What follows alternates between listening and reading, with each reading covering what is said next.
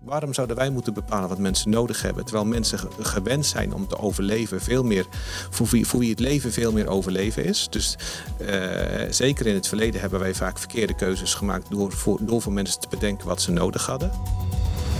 Leuk dat je luistert naar Werelddelen, de podcast. De podcast van Woord en Daad over de wereld, over delen en over hoop. Wij zijn Rijnke en Jacoline en we gaan een gesprek met gasten en collega's over thema's in de ontwikkelingssamenwerking. Vandaag gaan we in gesprek met Edwin Visser en Renate Bode over het thema van getroffen naar groei, over noodhulp en de lange termijn. Edwin, welkom. Je bent uh, directeur programma's bij ZOA. ZOA is er voor mensen in nood vanwege een oorlog of een ramp. Maar ook daarna, bij het opbouwen van een uh, nieuw bestaan. Mooi dat je er bent. Dank je. Renate, welkom. Onze collega, je werkt bij Woord inderdaad als uh, projectleider noodhulp en weerbaarheid. Um, ik begin bij Edwin. Ehm, als we het hebben over noodhulp, gaat het vaak over complexe, soms gevaarlijke situaties waarin acuut iets nodig is. Kan je daar iets over vertellen? Over de aanpak? Je krijgt een telefoontje en dan?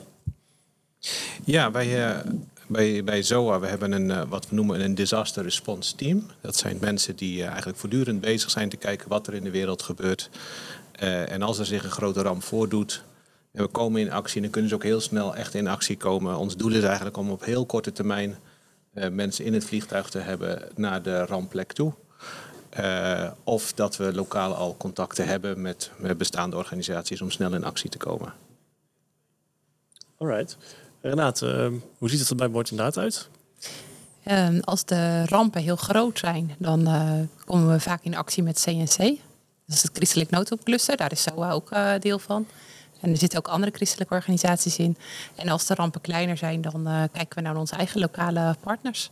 En dan staan we in contact en doen zij een assessment, vragen aan hun wat de noden zijn. En daar reageren we dan op. Er is wel iets dus, meer tijd tussen, als ik het goed begrijp. Dat jij zegt van nou, wij doen eerst nog overleg. Dan jullie zeggen van ja, gelijk mensen in het vliegtuig. Nou ja, kijk, er is wel wat verschil en er zijn ook overeenkomsten. We zitten allebei als ZOA en Woord inderdaad in het christelijk noodhulpcluster. En we hebben zeker de afspraak dat we met elkaar overleg hebben uh, voordat we iets doen. Dus eigenlijk, dat doen wij ook standaard. Tegelijkertijd er zijn wel verschillen tussen Woord inderdaad en ZOA. Uh, wij zijn echt de noodhulporganisatie die het past bij ons mandaat dat we in actie komen als er een, een ramp zich voordoet. Voor, voor Woord en Daad kijk, Woord Daad is een organisatie die, die wat op lange termijn hè, meer de ontwikkeling uh, in landen stimuleert. Uh, en alleen op het moment dat, dat er dan een noodopsituatie zich voordoet in een land waar Woord en Daad werkt, ja, dan komt het heel dicht bij het werk van Woord en Daad en dan komt Woord en Daad wellicht in actie. dus we, ja, we passen heel goed bij elkaar, maar zijn ook heel erg complementair aan elkaar. Ja. En ehm, jullie werken dus of zo aan Woord en Daad werken samen in het Christelijk Noodhulpcluster. Zijn er nog andere vormen van samenwerking? Eh, tussen de twee, Tussen organisaties, de twee organisaties? Ja, die zijn er zeker. Alleen, ja, dat is ook ergens al. Er, het, het, is de, de samenwerking zit hem heel erg uh, op dat snijvlak tussen noodhulp en, en, en, en meer de, de, de, de ontwikkelingskant, om het zo maar te zeggen. Nou, Sri Lanka is een goed voorbeeld, waar beide organisaties al jarenlang actief zijn geweest. En voor, voor ZOA was dat vooral het feit, uh, de, de oorlog in Sri Lanka vond plaats. Uh, nou, die is inmiddels gelukkig achter de rug. Uh, het land is wat stabiel geworden. Um, en al die tijd is Woord inderdaad daar ook actief geweest. En al in een vroeg stadium zei, zei zo van nou, wij, wij komen wel op een punt dat we denken dat voor ons ons werk ophoudt. Hè. Dan wordt het veel meer een ontwikkelingssituatie. Er nog zeker nood, maar niet meer dat die echt een acute noodhulp zoals tijdens de oorlog. Nou, en het is denk ik vorig jaar geweest dat wij ons hebben teruggetrokken uit Sri Lanka. Maar dat uh, wordt inderdaad een deel van het werk van ZOA. Uh, heeft voortgezet uh, met een aantal lokale partners. Dus dat, ja, ik vind dat een, een vorm van hele mooie samenwerking. Uh, ja, die gewoon, de aanloop is goed geweest, maar ook hoe dat effect heeft gekregen. Dat is een heel mooi verhaal van, van samenwerking tussen twee christelijke organisaties. Ja, en dat je elkaar ook aanvult, juist waar je goed in bent. Ja. Mooi. Ook mooi dat je noemt van, dat we veel werken met lokale partners. We hebben ook een partner van ons gevraagd om eens te reflecteren op uh, ja, wat noodhulp heeft betekend in zijn land. Dat gaat over Burkina Faso. Daar gaan we even naar luisteren en dan uh, zal ik er nog wat vragen uh, over stellen aan jullie. Emergency relief over the past year has focused on internally migrate people with 1.4 million of migrant people in my country. There was a lot of food aid and basic need provision so far. For my opinion, emergencies relief have solved immediate and urgent problems for sure. Even we know that the needs are always greater than the offer. Uh, for the durability, I think that emergency intervention must give way to a resilience program plus peace building approach to prevent the deep causes of crisis. Nou, wat Josias hier uh, zegt, is uh, dat in zijn land, Burkina Faso, 1,4 miljoen mensen op de vlucht zijn. Uh, nou, Renate, misschien kun je daar zo meteen nog iets over vertellen.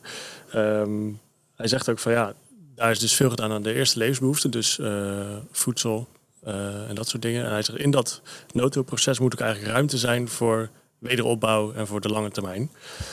Um, Renate, eerst even van jou. Burkina Faso, 1,4 miljoen mensen op de vlucht. Wat is, kun je even schetsen wat daar aan de hand is? Ja, nou in, de, in het noordelijke deel van Burkina, daar uh, spelen natuurlijk een aantal terroristische organisaties uh, die daar aanslagen plegen, die een bedreiging vormen. Zeker in het, uh, in het noorden. Die merk je dus dat er een hele vluchtelingenstroom op gang komt. Tegelijkertijd ligt het ook in de Sahel, dus droogtes spelen ook een hele grote rol. En als je op een gegeven moment één regenseizoen hebt waar het slecht gaat, ja, dan kan het zomaar omslaan in wat wel een acute ramp wordt. En dan spelen natuurlijk dan niet alleen de droogte, maar ook de terroristen een grote rol in.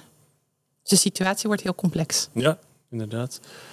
Um, Edwin, hij zegt ook iets over uh, ja, voedselhulp, eerste levensbehoeften. Maar daarbij zegt hij ook gelijk van ja, de nood is eigenlijk altijd groter dan wat we kunnen aanbieden. Ja. Uh, herken je dat en hoe ga je daarmee Ja, nou en wat hij zegt over Burkina, dat is statistisch uh, net zo waar voor de hele wereld. De, de nood in de wereld groeit, het aantal, wat dan heet people in need, uh, groeit voortdurend. Het aantal vluchtelingen neemt ook per jaar steeds toe.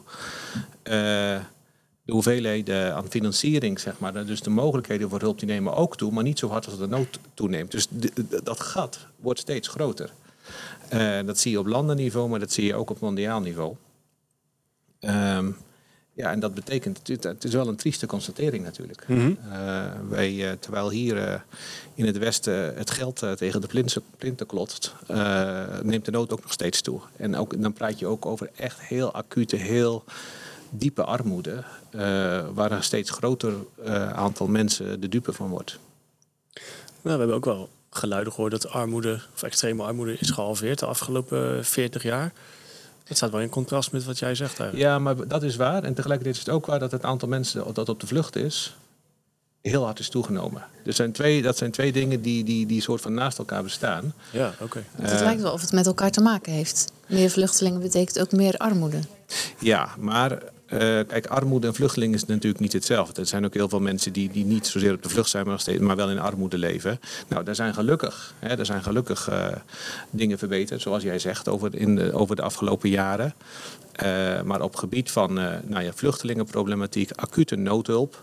Dat heeft te maken met het feit dat het aantal conflicten in de wereld hand over hand is toegenomen. Ja, dan praat je toch over, over steeds groter wordende aantallen. Ja, oké. Uh, we kennen ook allemaal de heftige beelden en berichten uit uh, bijvoorbeeld Afghanistan, maar ook uit de Ethiopische uh, regio Tigray en Jemen. Um, Edwin, kun jij iets vertellen over noodhulp die daar geboden wordt of werd? En wat is dus mogelijk in gevaarlijke, complexe situaties? Ja, kijk, we zijn al zo gewend om in onveilige gebieden te werken. alle gebieden waar wij werken, daar gelden negatieve reisadviezen voor, zeggen we altijd.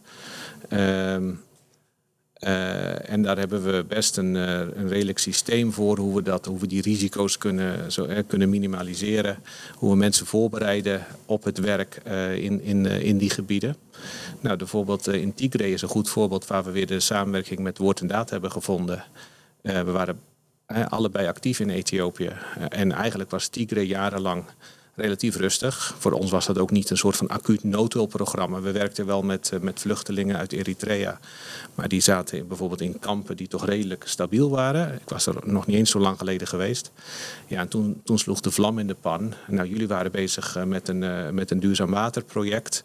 Ook dat was, dat was echt wel meer lange termijn, duurzame ontwikkeling. En ineens moet je schakelen en ga je terug naar zo'n acute nood, noodsituatie. Eh, die eigenlijk tot op, tot op vandaag wel voortduurt eigenlijk. Ja. ja. En dan, um, ja, dan ben ik benieuwd wat er mogelijk is om noodhulp te bieden. Ja. uh... Nou ja, dat, wat, wat je kunt doen je moet, uh, je moet toegang krijgen tot een gebied. Dat betekent je moet toestemming krijgen om, toe, om toegang te krijgen. Uh, je moet veiligheid kunnen garanderen. Allemaal van die randvoorwaarden moet je uh, op zijn plek hebben om te kunnen starten. Ja. maar ja, dat, is ons, dat is ons DNA. Weet ja. je? Dat kunnen we. En dan kunnen we hulp bieden. dat doen we ook in Tigray. Maar dan, maar dan is het op dit moment echt op een heel bazaal niveau het uitdelen van de, de meest basale levensbehoeften. Dat is nu nodig. Ja. maar dat betekent wel dat je een enorme stap terugzet vergeleken met waar we waren, ook in Tigray, eigenlijk als beide organisaties. We waren bezig met dingen als uh, solar e-, zonne-energie in vluchtelingenkampen. Heel mooi, juist ook een stuk duurzaamheid en je doet ook iets aan een soort van uh, nou ja, groene, groene ontwikkeling. Uh, ja, dat is op dit moment weer uh, helemaal van de baan. Uh, omdat we weer in een, in een. Ja, op dit moment is het gewoon oorlog. Terug in de tijd eigenlijk ja. weer. Ja. ja. ja. Renate, hoe uh, gaat Woord inderdaad te werk als er een ramp uh, voordoet of een situatie waarin acuut noodhulp geboden moet worden? Ja, en daar hebben we ook een uh, team voor wat, wat daarmee aan de slag gaat. Het hangt natuurlijk vanaf ook in wat voor land het is. Want als we aanhaken bij Ethiopië, ja, die waterbedrijfjes die we hadden, die zijn echt helemaal kapot geslagen. Ja, daar kan je dan niet direct bij aanhaken om weer noodhulp te verlenen. Terwijl water wel degelijk een groot probleem is, ook in Tigray. Dus daar, ehm, dat kun je doen in een later stadium. En dat kan je wel uh, in je perspectief houden. Dat doen we als woord en daad dan ook. Maar tegelijkertijd moet je eerst kijken van waar kun je binnen. Heb je contact? Zeker nu in Tigray. Contact en toegang tot de binnenkant van het gebied is gewoon heel lastig. Ja, ja. Dus dat, dat blijft echt een, uh, een uitdaging, zeg maar, om dat aan elkaar uh, ja, knopen. Dat is denk ik ook de sleutel, de toegang, um, die eerst verkregen moet worden. Ja. Anders kan het heel ingewikkeld worden. Ja, ja en, maar ook uh, wat interessant is wat Josias zei. Um, uh, uiteindelijk ook alweer uh, die, die focus op vredesopbouw. Hè. Bijna alle humanitaire noodsituaties in de wereld worden veroorzaakt door conflict. Of, of, worden veroorzaakt door, door mensen, laat ik het zo zeggen. Um, we denken soms van, oh, het zijn vooral de, de natuurrampen die de grootste ellende veroorzaken. Nee, natuurlijk, natuurrampen gebeuren. Maar de, de impact van natuurrampen, waarom is de impact van een aardbeving in Haiti zo groot? Dat komt door falend leiderschap, door, door, door een falende politiek, door, door allerlei menselijke factoren. Uh, uh, mensen kunnen, uh, staan elkaar naar het leven, liggen met elkaar in de clinch. Eh, dus op, dus heel veel, op het moment dat je wel bezig bent met die acute noodhulp, moet je juist ook die, zeg maar, die lens richting vredesopbouw uh, altijd scherp hebben. En kijken van wat kunnen wij doen nu en in de, in de fase daarna om te werken aan, aan, aan vrede tussen bevolkingsgroepen, politieke groepen, wat, het, wat ook uiteindelijk maar de, de bron uh, van het conflict is. En dat is niet alleen in oorlogsgebieden, dat is ook in gebieden waar, uh, die, die, die kwetsbaar zijn voor natuurrampen. Zoals bijvoorbeeld uh, landen waar, waar aardbevingen of orkanen plaatsvinden. All disasters are man-made, zeggen ze. Dat dus is het, ja. ja. Alle rampen worden veroorzaakt door mensen. Dus je moet ook aan die structuren werken ja. in de noodhulp. Ja. Ja. En dat kun je maar beter vanaf. Je moet vooral niet denken van. Oh, op het moment dat het noodhulp is, hoef je daar niet zo aan te denken. Je moet nu vooral mensenlevens redden. Uh, natuurlijk moet dat.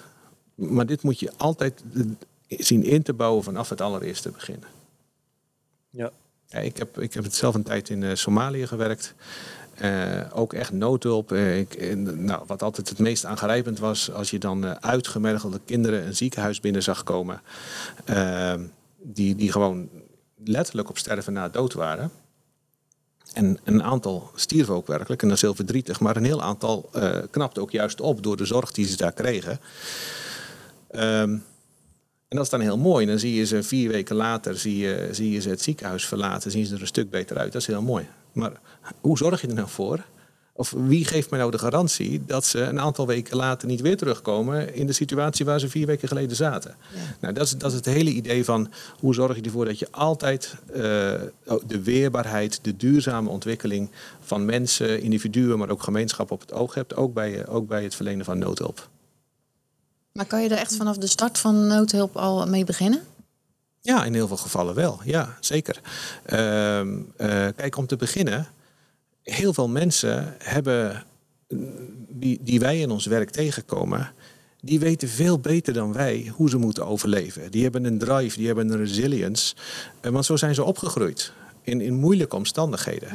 Nou is het natuurlijk wel essentieel dat wij die wilskracht door wat wij doen niet wegslaan, maar juist weten, weten aan te moedigen en te versterken. Uh, want geloof me, niemand staat erop te wachten om gratis eten te krijgen. Dat doet iets met jouw waardigheid. Mm -hmm. En het doet ook iets met je waardigheid als je weer in staat bent om je eigen boterham te verdienen. Zeker, ja. Absoluut. Ja, als je samenwerkt met twee organisaties waar één ook heel goed is in noodhulp, dan kan je ook als organisatie, als wordt daad daarnaast ook al kijken verder. Terwijl die noodhulp wel wordt uitgevoerd, kan je kijken van oké, okay, welke mogelijkheden zijn er dan voor verderop ja. In, Het, in het proces. Waar en juist die samenwerking is dan belangrijk, hè? want dat vraagt specifieke expertise.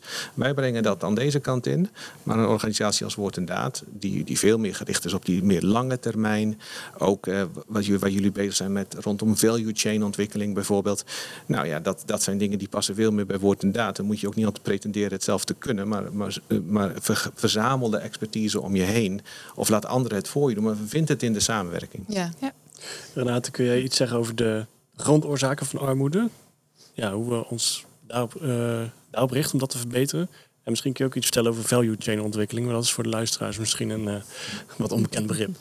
Ja, value chain ontwikkeling om daarmee te beginnen. Dan heb je het echt over ja, dat we richten op een, eh, op een bedrijf. Hè. Op welke manier geef je waarde aan een, aan een product? En dat doe je dan het liefst in het land zelf. Uh, waarbij je die actoren gebruikt en mensen in het veld gebruikt. Om maar een voorbeeldje te geven van Ethiopië. Dat die water, waterbedrijven, hoe kunnen die mensen dat zelf opzetten? Hoe kunnen mensen het zelf onderhouden? Wat hebben ze daarvoor nodig? Um, en, en hoe doen ze dat met een, een netwerk en structuren? Hoe kun je daaraan bouwen? Dus dat is, dat is natuurlijk de ene kant. Um, de andere vraag, ja, wat is de oorzaak van de armoede? We hebben het een klein beetje over gehad. Natuurlijk conflicten, er zitten ontzettend veel uh, machtrelaties wat dan uh, misloopt. Maar ik, ik denk, aanhakend op wat Edwin net zei, de waardigheid van mensen. Hè, wat, wat kunnen mensen zelf? Als we uitgaan dat wij het moeten brengen bij hun en dat je dan hun eigenlijk afhankelijk maakt, dan haal je ook die motivatie en de drive weg om je eigen leven op te, op te bouwen. En um, ik zie nu bijvoorbeeld bij Haiti, daar hebben we de eerste noodhulp zijn we begonnen. En dan komt op een gegeven moment een lokale partner terug. Ja, maar die mensen in het veld zijn wel heel dankbaar. Maar ze vragen ons nu al, kom je ook met zij uh, goed? Want in oktober begint dat zijseizoen. We willen graag aan de slag, maar we hebben niks. Ja. En die zijn dan een stuk van hun oogst verloren en, en een stuk van het uh, zaaigoed. Ja, en dan denk ik, dat zijn dus mensen in het veld die dus nu al zelf verder kijken, terwijl ze geen huis hebben, hun oogst weggeslagen is en ook de watersituatie in die gebieden gewoon heel slecht is. En dat is waar je dan uh, op aan zou moeten haken. Ja, want dan denk, denken ze zelf eigenlijk al een jaar of meer vooruit. Nou ja, dan merk je dus dat wij als organisaties eigenlijk zeggen: ja, maar moet je we niet dichter bij de noodhulp blijven? En dan zij eigenlijk zeggen: van ja, die noodhulp is nodig, maar je moet niet vergeten. Willen jullie met ons nu al meekijken naar over ja, drie maanden of over twee maanden? Dit gesprek was begin september, denk ik. Ja. Dat mensen dat zeiden. We waren gewoon voedsel aan het uitdelen en, en, en uh, shelter. Ja. Shelter? Ja, ja, zeg maar de schuilplaatsen. schuilplaatsen. Ja, geen permanente huizen, maar gewoon uh, tijdelijke een tijdelijke mogelijkheid om te schuilen. Ja. ja dat stelt voor een permanente uh, huis zeg maar niks voor. Maar het is wel wat mensen nodig hebben in een gebied waar het hard regent. Mm ja. ja. En waar orkanen nog uh, ook... Ja, dat seizoen is ook nog niet afgelopen. En kan jij dat ook, Edwin, dat ze dan dat in de noodhulp situatie al ja, vanuit de community zelf de vraag komt voor langere termijn? Ja, zeker wel. Zeker. Het, het, het wisselt wel per land. Hè. Er zijn landen waar mensen opgroeien uh, en helemaal niet gewend zijn aan hulp van buitenaf. Maar dan ontstaat, gebeurt er iets waardoor ze daar opeens wel van afhankelijk worden. Uh, terwijl er ook mensen zijn die leven in landen waar, het, uh, ja, waar er al zo lang hulp wordt geboden en al zo lang het systeem faalt. Dan is het soms moeilijker om die spirit bij de mensen nog vast te houden. Snap je? Dan, dan, dan is er een soort van afhankelijkheid ontstaan. Uh, die, die ook niet altijd goed is, moet ik eerlijk zeggen. Hè? Dat het soms ook echt lastig is om uh, mensen ervan te overtuigen. joh, uiteindelijk, het is in jouw eigen voordeel, om het zo maar te zeggen, om nu echt stappen te zetten richting, uh, richting zelfstandigheid en niet, niet afhankelijk te hoeven zijn. maar nogmaals, wat ik eerder al zei, uiteindelijk het is juist die menselijke waardigheid. Jij noemde het, jij herhaalde het al. Hè? Niemand, niemand doet iets met je waardigheid als jij in een rij moet staan om iets gratis te krijgen. Uh, omdat uh, anderen hebben bedacht dat het goed is voor jou omdat dat je dat nu nodig hebt. En dan is dat ook wel een soort van zo. Uh, stel je, dat, dat, kunnen wij ons helemaal niet indenken. Maar dat, dat, is, dat is echt niet fijn. En dus het feit dat sommige, sommige mensen, zeg maar hulpontvangers, soms ook kritisch zijn op wat ze krijgen ik heb dat in het begin heel erg moeten leren. Dat ik, ik kwam binnen met een houding en ik dacht van wie ben jij om kritisch te zijn? Dit krijg je gratis. Hmm. Maar het klopt helemaal niet. Uh, maar hoe uh, verklaar je dat nu dan? Of hoe, waar, wat is er nou, dat is een, ten eerste, nou, om, eh, ten eerste, waarom zouden wij moeten bepalen wat mensen nodig hebben, terwijl mensen gewend zijn om te overleven, veel meer voor wie, voor wie het leven veel meer overleven is. Dus uh, zeker in het verleden hebben wij vaak verkeerde keuzes gemaakt door voor, door voor mensen te bedenken wat ze nodig hadden. Mm. Uh, en ten tweede is het ook een beetje het weer terugvinden van hun eigen waardigheid. Dat ze zeggen, maar ik mag ook een mening hebben. En, ja. en als ik ja. iets anders belangrijk vind, dan zeg ik dat. Dus ik denk dat wij daar als organisatie heel blij mee moeten zijn en juist goed moeten luisteren. Ik zag laatst in, uh, in Nederland al het voorbeeld van de voedselbank. Die deelt normaal gewoon ja. pakket uit. Van ja, vul je tas maar met wat er in het pakket zit. En ja. dat er nu een voedselbank is die gewoon schappen indeelt als een soort supermarkt waar je dus Juist. zelf kan kiezen. Ja, ja dat ik woon in Ede en ik ken daar wat mensen uh, uit Syrië die uh, ook spullen van de voedselbank krijgen. En die geven heel veel van die spullen door. Ja. Want ze, ze, vinden, ze willen dat helemaal niet. Nee. Um, is uh, zo ook bezig met het aanpakken van grondoorzaken van armoede? Bijvoorbeeld uh, vredesopbouw of um, land, ja, eerlijke landrechten? Zulke... Ja, ja, dat zijn precies de type thema's. Uh, landrecht is een belangrijk thema voor ons, omdat dat heel vaak een bron van conflict is. Dus als je dan praat over wat zijn de grondoorzaken, heel vaak is het toch hè, intermenselijk conflict. Ja. Kan je daar iets over uitleggen met hoe dat zit met landrechten? Ja, dat is bijvoorbeeld in een land als Oeganda, waar we in bepaalde gebieden in het noorden van Oeganda bezig zijn met het lokale kadaster om vast te leggen uh, hoe landrechten zijn. Hè? Dus zoals we hier ook een kadaster hebben. Uh, en zoals het hier ook heel veel conflicten kan voorkomen als het in ieder geval maar helder is. Ja. Hier gaat het dan vaak over 10 centimeter ja, links en rechts. Ja, Daar ja. gaat het over uh, een stukje meer. maar door dat vast te leggen, dan praat je wel over uiteindelijk natuurlijk veel meer lange termijn duurzame verbeteringen in de situatie. die dan hopelijk ook met als doel dat, dat ja, conflicten vermeden of opgelost worden. En als je land hebt wat echt van jezelf is, dus dat het niet zomaar vervreemd kan worden, uh, of ontvreemd kan worden, dan heeft het ook zin om te investeren, toch? Zeker, ja. ja. Dus dan komt er een soort hele motor op gang. Ja. Krijg je weer perspectief. En, ja. Uh, ja. Ja. ja, maar vanuit het verleden is het vaak dan een soort van informeel vastgelegd. En dan later staat het onder uh, discussie. Nou, dan is het gewoon heel belangrijk om dat, om dat vast te leggen. Natuurlijk wel passend in de context uh, van daar. Dus uh, ja, je moet per land, we doen het in heel wat landen, ook in, uh, in Congo bijvoorbeeld. je moet wel heel tijd op per land specifiek kijken hoe je dat het beste kunt organiseren. Maar zorg er dan wel voor dat het in ieder geval officieel is. Ja. Wat is eigenlijk je persoonlijke drijfveer en motivatie om je in te zetten hiervoor? Mag Renate eerst? Eerst? ja, ik, ehm, voor mij is het wel echt hoe zou ik dat zeggen? Ik denk dat ik in, zelfs in de vorige podcast heb ik er iets over verteld. Ik, dat ik als achtjarige gewoon geraakt werd door de armoede. Mensen die het slechter hebben dan jezelf. En ik ben nu anderhalf jaar terug. En ik draai al bijna zonder erbij na te denken de, de, kraan open. Er komt gewoon water uit. Je hebt eten in huis meer dan dat je eigenlijk nodig hebt. Ja, ik vind het gewoon heel mooi dat ik iets van mijn ervaringen, van mijn kennis kan delen met mensen die gewoon veel minder hebben dan ik. En die voor hun basisdingen als voedsel en, en eten en onderdak uh, ja, afhankelijk zijn van anderen. Ja, ja mooi.